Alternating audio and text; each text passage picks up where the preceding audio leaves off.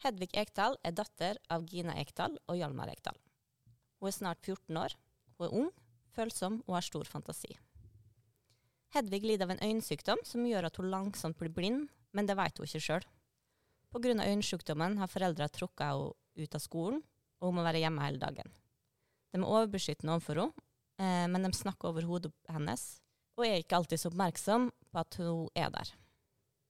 De er mest opptatt av seg sjøl, av sine egne problemer, men hvordan har Hedvig det sånn egentlig?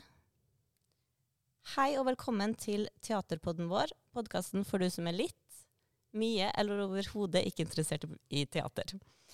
Eh, som du kanskje skjønte fra innledninga mi, så er det altså karakteren Hedvig Ekdal fra Villanden som vi skal snakke om i dagens episode.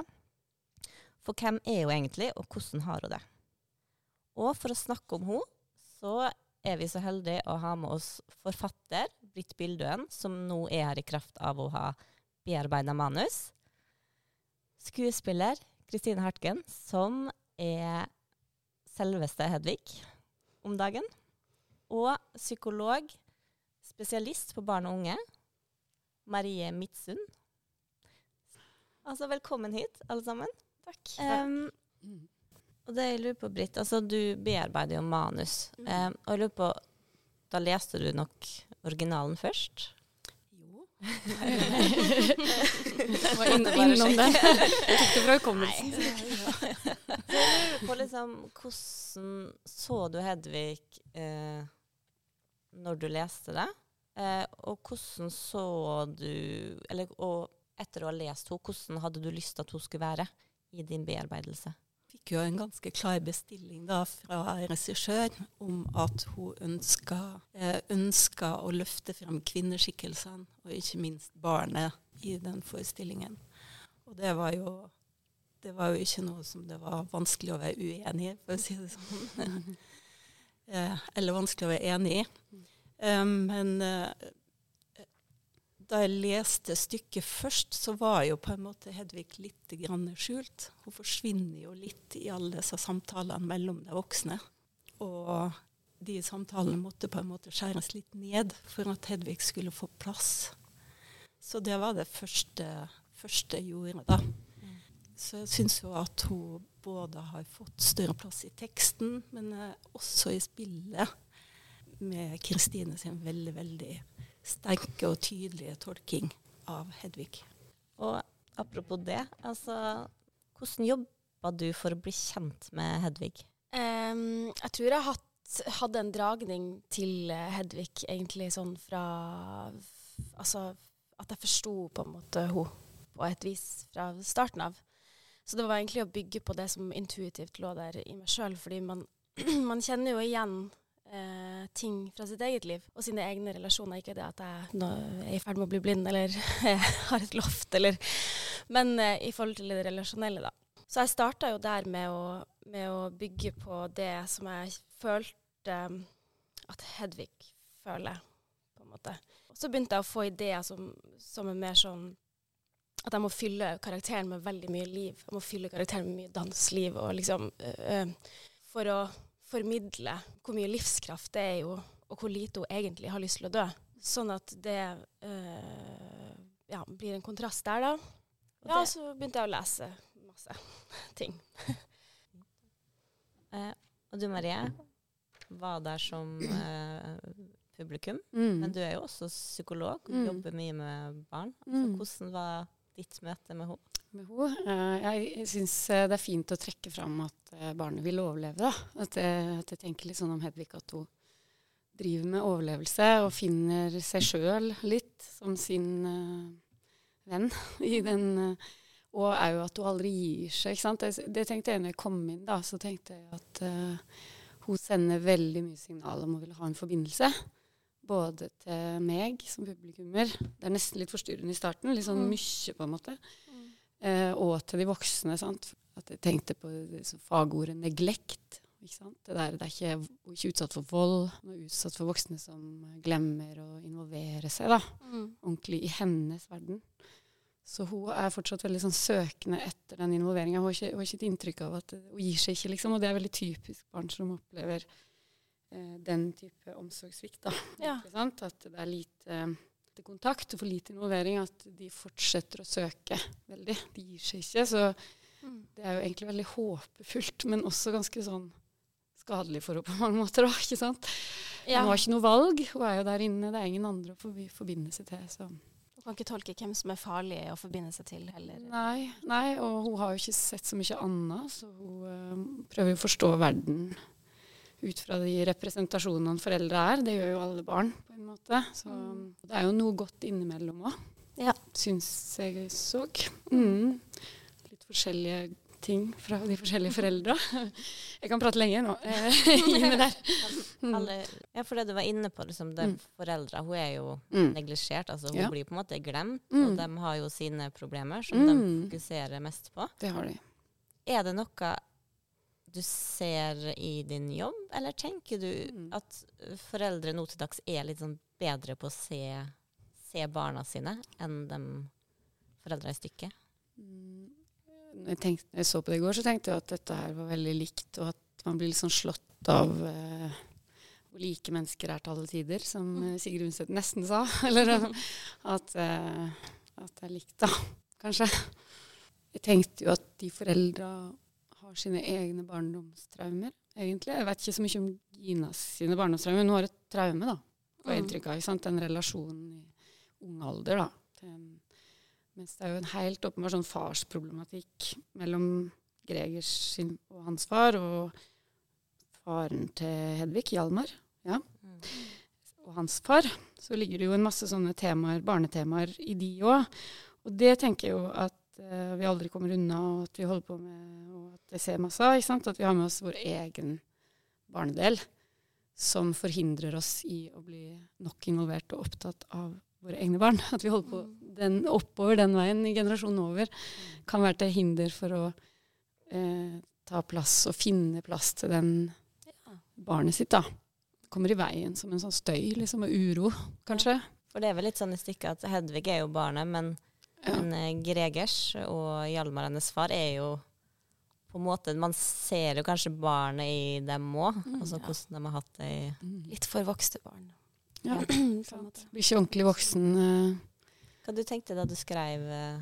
Altså, jeg synes jo, Når vi snakker om dette, så er det jo fantastisk å tenke på at Ibsen skrev dette stykket i 1884. Altså, Hvem tenkte på barnet sin Det er helt eh, utrolig. Ja. Og det å neglisjere barnet, bare tenke at uh, Mm. Ja. Eh, det er veldig sånn er sterkt sett. Ja, sterkt sett. Og i dette stykket her, så vi ville jo modernisere det, sånn at det liksom foregår litt mer opp mot vår tid. Og da var det jo på en måte naturlig å velge sånn Tenke litt 70-tallet, da. fordi at da var jo voksne igjen i ferd med å liksom realisere seg sjøl.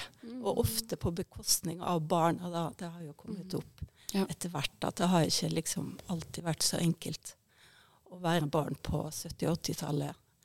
Så jeg syns egentlig det var et ganske smart trekk å legge det til, til den perioden. Har dere reflektert litt på hvordan Hedvig sitt forhold til foreldre hadde vært i dag?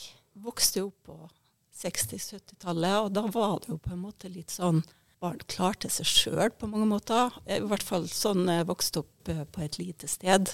Så gikk vi jo på sjølstyr. Altså, det var helt ufattelig hva vi egentlig fikk lov til. sånn at jeg tenker, og, og i dag er det jo nesten motsatt. At barn blir fulgt opp så intenst hele tida at de nesten ikke har rom for å utvikle seg sjøl og sin fantasi. Og, og få mulighet til å være aleine, som jo også er ganske viktig. Mm. Så, så jeg tror det at hvis vi skulle skrive et stykke opp helt til dagens situasjon, så måtte vi ha endra veldig mye mer enn det som er gjort nå, da, i forhold til originalen. Mm. Men tenker du, tenker du um, hvordan samme situasjon hvis man putter det inn i 2023? Eller Mm. Da har man jo mobiler, da. men kanskje man må. Det, jo, det kan jo gi litt oppmerksomhetssvikt i foreldregruppa. Så Ja. det, det kunne jo vært eh, dagens eh, neglekt. Mm. fordi forbindelsen mellom barn og voksne er jo veldig mye sånn blikk og kontakt og oppmerksomhet og felles oppmerksomhet. Og, Mm. Eh, så jeg tror foreldre er veldig involvert og veldig ambisiøse nå. Men jeg tror jo inkludert meg sjøl at jeg strever Hvis jeg ser på skjermtida mi, så i løpet av et døgn, så jeg ha litt å gå på, da. Kanskje. Eller, Ja. ja, og at det er tid som barnet mitt kanskje har vært rundt med, og jeg har vært frakobla. Det er det masse spennende forskning på at gir konsentrasjonsvansker og uro og Ja. aggresjon og stress i barnekroppen. sant? Så det der er jo litt spent på det prosjektet der, når vi har holdt på med det litt lenger. Mm. Og det er litt spennende, sånn som du sier, på 70-tallet så var kanskje foreldre fraværende fysisk òg. Mm. Mm. Eh, nå er jo foreldre vært tettere på å føle at det er Mm. mer menn avkobla, kanskje, pga. Ja, av mobilen. Som Ja. man liksom tenker er et problem for barna ofte. At deres skjermtid, og Mm. glemmer egen Ja. skjermtid. Og sånn sett så er det jo kanskje at man ser da Hjalmar og Gina, som var jo også Det var jo dem og Hedvig i den Mm. leiligheta, og bestefaren. Mm. Um, men de var jo frakobla på sin måte òg. Mm. Men jeg tenker jo at Hedvig hadde jo også hatt uh, tilgang til skjerm, da. på en måte. Så hadde jo Ja. sikkert også, f- altså, endra hennes forhold til sin egen fantasi. Altså, Nå på 70-tallet så har hun bare forhold til hva hun kan dikte seg opp i sitt eget hode, og bøker og kart og bilder og sånn. Men uh, med mobil så er det jo den faktiske Ja, ikke faktiske, men en, en form for virkelighet, da, som hun kan fordøye og eh, flykte inn i. Og kan få informasjon om verden der ute på en Ja. måte via den, samtidig som hun på en måte ikke blir så stimulert. da. Så det er Mm. liksom en utfordring, kan jeg tenke. da. Hvis hun hadde skjerm, at hun hadde blitt veldig passivisert. At Ja. hun blir mer eh, aktiv i leik, da, som jo er superviktig at barn Mm. driver med. Så det får hun jo faktisk uten skjermen, da. Ja, ja. Og det er kanskje Mm. bra. Men hun Mm, vet er veldig litt lite. Spennende. Ja, for da jeg så stykket, så tenker jeg at um, altså det Hedvig sitt språk er veldig sånn ja, oppriktig, spontant og, og leket, men allikevel så sitter jeg og ser på og så tenker litt kanskje at det virker som den mentale alderen hennes Ja. er litt under 14 Mm. år. Har dere reflektert rundt det? Mm, ja, altså jeg tenker jo at hun mangler jo sosial stimuli. Så hun, hun blir jo veldig sånn, merker det når, når Gregers kom, når vi begynte å prøve på det for første gang, så, så er det jo veldig sånn Å, herregud, en fremmed inn her. Og, og det er han, det er Gregers Svele, som kommer fra den, den berykta familien, Væle-familien, som vi får penger av. og hvordan skal jeg oppføre meg? Og hun går på en måte også kanskje som en slags forsvarsmekanisme også inn i en mer sånn barnslig eh, rolle, da. Fordi det er det hun ofte får skryt for og, og belønning for av foreldrene sine. Gjennom å være på en måte Gjøre seg sjøl liten og uskyldig og liksom ikke eh, kravstor, på en måte. Men han vekker jo også en slags form for kanskje sånn seksualitet jo, og, og et ønske om å kanskje bli sett på som litt mer voksen. Hun har jo bursdag eh, i overmorgen, når stykket starter og blir 14 år. Som er en veldig sånn, viktig symbolsk alder, for eh, da blir du ordentlig tenåring. eh, så ja, hun er nok litt eh, under eh, Kanskje litt underutvikla, men, men jeg, tror, jeg tror det handler mer om måten hun interagerer med andre men, men mentalt hun er megaintelligent og forstår hva de voksne sier, forstår hva som skjer. Forstår kanskje nesten mer enn de voksne noen ganger, hva som skjer imellom. Hun bare vet kanskje ikke hvordan hun skal eh, spille det sosiale spillet like godt. Tror Så er det jo viktig at hun, hun vokser opp i en, veldig, en familie som dyrker det barnslige og leken, på en måte. Ja, Altså fra bestefaren som går og skyter kaniner på loftet. Ja, Har bygd sin egen skog. Og, ja, det er sant. og faren som er Hjalmar er jo helt med på det. Så Ja, det er jo ikke rart at Hedvig ja. på en måte virker kanskje litt barnslig da, eh, i den, i den settingen der. Men jeg tror nok, Mm. som du sier, at hun er ganske intelligent og får med seg Mm. veldig mye. Ja, for når vi er inne på det, er det noe som er fint i den familien der? Det har vært veldig Mm, ja, Det er jo det, jeg tror jeg. Det der var jo ja, et det er eksempel loftet. på det. Ja, det er loftet. Eller den leiken. Ja. Mm. Ja, og den, den ja, musikk og loftet og liksom fantasien og liksom, Det er jo en stor lek, hele Mm. det loftet. Mm. Vi, later at det, som at det er en stor skog her, og vi har masse dyr og, Mm. og Men uh, det loftet er jo også symbolsk for andre ting, da, men det kan vi snakke om. Mm, ja. men, det, Men det, det tror jeg er veldig positivt. Det, der tror jeg Hedvig føler seg sett av både farfar og, og, og far. At de har et sånt felles prosjekt. Mm. Og det er jo langt på vei sunt og fint. Mm. Men akkurat her går det kanskje litt Ja. for langt. da. Blir så isolert fra sine jevnaldrende. Ja. Det nærmer seg litt sånn psykose på en måte, eller litt sånn vrang Vekk fra resten av verden, eller jeg vet ikke hva jeg skal kalle det. Ja, Men ja, Kan eh, bringe oss videre på um, temaet selvmord. mm. Så jeg tenker at hvis eh, fra nå av så kommer vi til å prate en del om det. Mm. Eh, så det kan hende at noen syns det er vanskelig å høre på, og da er det kanskje tid for å skru av her. Eh, og så vil jeg bare også minne om at hvis man trenger hjelp, så går det an å ringe Mental Helse sin hjelpetelefon, som er åpen 24 timer i døgnet. Da ringer du 116 123. Mm. Um, jeg leste i Tidsskrift for Norsk Psykologiforening um, en lang artikkel om Hedvigs selvmord i Villanden, som var veldig interessant. Uh, og det var liksom litt at de så på at han var veldig forut for sin tid i det du var inne på, ikke sant? med det å se barnet. Men også i det som er liksom hva som gjør at ungdom tar livet sitt. Eh, fordi da er det liksom ramsa opp en del statistikk på hvilke unge som tar livet sitt. Og det viser at det er blant tenåringer som assosieres med unge som har forholdsvis lite utdannelse. Eh, hun blir jo tatt ut av skolen av sine foreldre. Eh, har et snevert sosialt nettverk av jevnaldrende, som vi òg ser at ikke eksisterer. Lever i en familie prega av konflikt og splid, som skjer etter hvert. Eh, og voksne med lav sjølfølelse. Eh, og man ser også at eh, selvmord blant unge skjer veldig impulsivt. Um, og at eh, det er også fleste som tar livet sitt, har egentlig tilgang til suicidale hjelpemidler, som da medikamenter og, og skytevåpen. Eh, og det en ting til som det trekker fram, er eh, antatt at de har et tap av tilknytningspersoner. Som òg skjer med da en far som da til slutt avviser henne. Så det er jo på en måte alt det her på alle punkter. Ja, det er alle punkter. Ja. Tenk at han uh, skrev det. Tenk Ja. at han skjønte det. Ja, det er guddommelig, nesten. Ja, det er litt det. Ja. Jeg følte litt sånn At det var en thin place, er det ikke det heter? At det er sånn hellig opplevelse. ja. Se det stykket i går. Mm. Og i går, Britt, så hadde du og Chris, teatersjef Christian en samtale før forestillinga for dem som eh, skulle inn og se den. Og da kom jo det her temaet selvmord opp, eh, og det ble en samtale med publikum som var der. Men det var en som mente at han tolka det Han hadde vel lest originalen og ditt manus og liksom virkelig um, gått inn i materialet, eh, og han tolka det som at det ikke var et selvmord. Han var helt sikker på det. Ja. Hva han mente?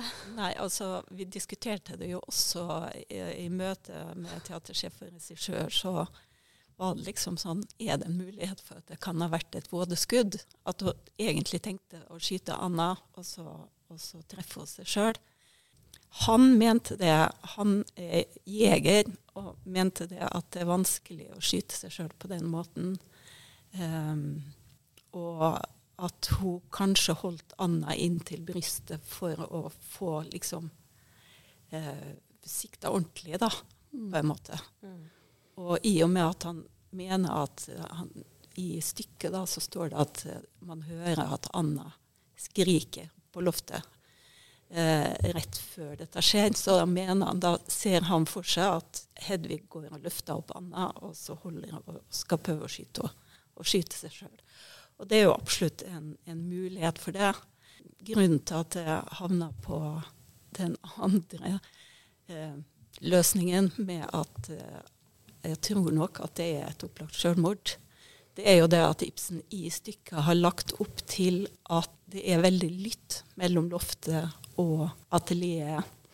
Og at, eh, Mm. at det blir sagt flere ganger at man hører lyder derifra. Ja. Og, og da er det jo ganske opplagt at Hedvig hører den siste ganske fæle samtalen mellom Gregers og Mm. hennes far, der faren liksom sier Tror du at Hedvig ville ofre seg for meg? Ha! Det har ikke han noe tro på. Og så pang. Han sier jo ja, ville du gi slipp på livet ditt for min skyld? Ja. Så Og det, er det- da tenker jeg det er egentlig ganske opplagt hva Ibsen mente. Men Ja. det ligger jo alltid en tolkningsmulighet hos han, og det er jo fint. ja, ja. Mm. ja, det ligger jo en tolkningsmulighet der. Ja. Mm. Det gjør det. Farfaren sier jo også det er så mørkt der, man kan ikke se noen ting. Det er ikke jaktvær i dag. Mm. Så man kan også tolke det den veien. Men jeg er helt enig med deg i at det er bevisst. Ja. Ja. Og impulsivt. Veldig impulsivt. Mm. Går nok inn for å skyte Anna, og så hører den replikken fra faren, og så Er det ferdig? snur opp i stolen. Mm. Som vi ser i nyere forskning. At, Mm. Mm. Ja, ja. Hva du tenkte som publikummer da du så den scenen? Eh, jeg, tenk, jeg tenker vel som dere, at jeg tror det er et impulsivt selvmord, og at hun hennes indre verden er veldig prega av at hun ikke får den forbindelsen med faren, og, og de følelsene hun får knytta til det, både mot seg sjøl og mot han. Og, og at det er ganske voldsomt for et barn, og det separasjonsskrikgråten som du har, den er helt sånn ja, Bare kjenner den nå når jeg tenker på det, men det, sant, det er så smertefullt eh, å miste en sånn forbindelse, å være et barn og ikke ha noe annet. Så det er helt ubærlig for henne på en måte. Og så når han Han tvister jo rollene helt ikke sant, i den samtalen. Blir opptatt av seg sjøl og, føler seg avvist av henne på en måte. Han forvrenger virkeligheten. Ja, han forvrenger, og han forvrenger rollene, for han er jo far. Mm. Så, så det raseriet som et barn egentlig har, da. Ja, ja. Det er jo sånn vi tenker om det. Sånn et murderous rage heter det i fagterminologien. Sånn, morderisk sinne mot foreldre når de svikter på tilknytningsoppgavene. Sant? At det, da blir vi rasende. Mm. Men vi blir også da veldig, når vi kjenner på det, så tenker man oss at vi også blir veldig skyldbetynga, for vi elsker foreldrene våre. Og da kan den der psykologien slå inn over oss sjøl. Det er der selvskadinga blir på en måte løsninga på begge, eh, hvis jeg skal være veldig tolkende. Men eh, både jeg kan straffe han ved å straffe meg, Mm. og jeg straffer meg sjøl for å tenke sånn om pappa. Eller? Det er en sånn enorm eh, Sånn tenkte jeg om det, da. Eh, og at eh, hun det, blir, det er så overveldende på slutten at hun er jo i sikkert et, en tilstand av ekstrem smerte, Mm. tenker jeg. Og så hører hun det, og så tenker hun det er best sånn. eller Jeg vet, jeg vet ikke. Mm. Men i hvert fall at jeg, tror, at jeg støtter meg til det. Og så kan det jo være spennende, syns jeg, at vi ikke veit, da. At uh, hun også eventuelt uh, prøver å redde forholdet, da, for det prøver hun hele veien. Ved å skyte den anden. Mm. det, liksom, det er også en mulighet, selvfølgelig. At hun prøver så veldig pappaen sin, da. Hun er jo veldig Du skulle finne han Mm. underveis der, Mm. syns jeg. Mm.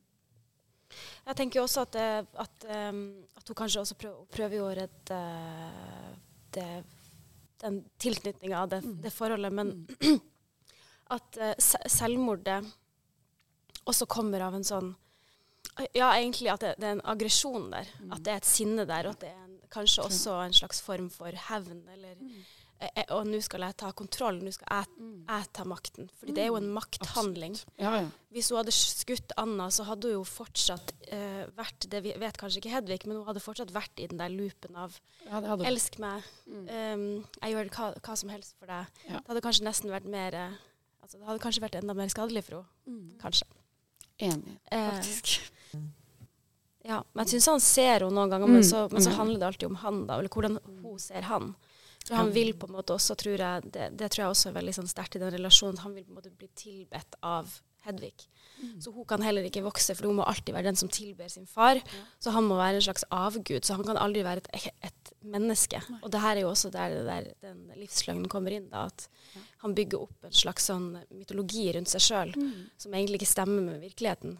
Og også kanskje uh, i forhold til hvem Hedvig er, den perfekte dattera. Prinsessa, på en måte, som aldri skal på en måte Så det er jo en trussel at hun blir eldre. At hun begynner å få pupper, at hun begynner å liksom Mm. få sine egne tanker og aggresjon og alt det her. Mm. Uh, og det er jo også med på, tror jeg, til å eh, skape den ekstreme trangen til å bryte ut. Som kanskje også da ender i det selvmordet, da. Mm. Vi har jo snakka veldig lite om mor oppi det her, Ja, Gina. ja. Eh, Jeg er jo sikker på at hun er oppriktig glad i dattera si. eh, Og, og tar vare på henne så godt hun kan. Men hun er jo også i en sånn rolle der hun hele tida prøver å please sin mann, liksom. Hun har så mye jobb med han og holde han tilfreds. Og holde liksom eh, den eh, det livet som det har skapt seg, da holde det flytende på et eller annet vis. Mm. Så, så der eh, begår jo hun den samme feilen som faren, men av litt andre årsaker. da. Ja. At hun rett og slett er så opptatt av voksentinga Mm. at, mm. at hun ikke, ikke ser hvor eh, vondt Hedvig har det. Og kanskje så redd for å miste det hun har. Mm. Ja, for det er jo ikke Ja. sant. Du ser jo tydelig ikke at det er en mor som, som sa, gjør alt for å please faren og få han til å bli. Og, men, eh, men i det, hva tenker dere om det? Er det fordi at hun vil holde på han, eller er det også for å hjelpe, liksom, nei, for å hjelpe Hedvig til å ha den kjernefamilien? Mm. Er hun, glemmer hun helt Hedvig, eller kan det være at hun gjør noe, og det hun gjør på grunn av henne? Virker jo litt Jeg tenker kanskje at hun gjør det litt òg. At hun prøver å ha et sted der barnet hennes kan vokse opp. Og da må han holdes stabil, på en måte. Og det er for Hedvig. Altså, jeg syns egentlig at hun kanskje er den karakteren som jeg får mest som følelse at har det blikket på Hedvig. da. Men at hun selv Hun, hev, hun hevder seg jo ikke, og ikke Og det er jo en tid der hun kanskje ikke kan dra av gårde med Hedvig heller. Det kan jo hende Vi kunne sett for oss at i 2023 så hadde hun sagt nå drar jeg og Hedvig og finner vårt eget mm. liv. Ja. ja. For hun har en eller annen sånn kraft, opplever det i dem. Og at hun, men hun lar han på en måte i fred, og det er jo en svik mot Hedvig på et vis. Mm. Og hun virker jo også tenkte bare på at hun virker som om hun har med seg noe vanskelig som hun liksom ikke holder litt unna. ikke sant? Vi vet jo at det er noe vanskelig der, men Mm.